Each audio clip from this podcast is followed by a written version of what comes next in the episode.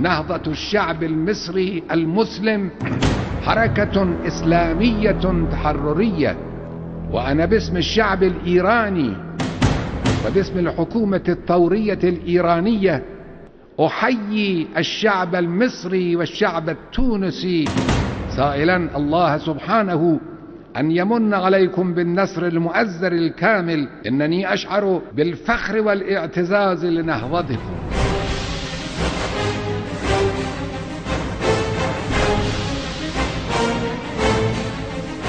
إن نهضة الشعوب هي في الواقع حرب بين الإرادتين إرادة الشعب وإرادة أعدائه. وكل جانب كان أكثر وأقوى عزما وأكثر تحملا للصعاب فهو منتصر حتما.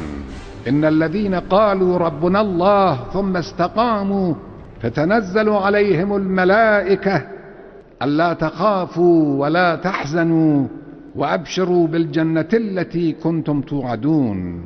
ويخاطب رب العالمين رسوله بالقول فلذلك فادع واستقم كما أمرت ولا تتبع أهواءهم.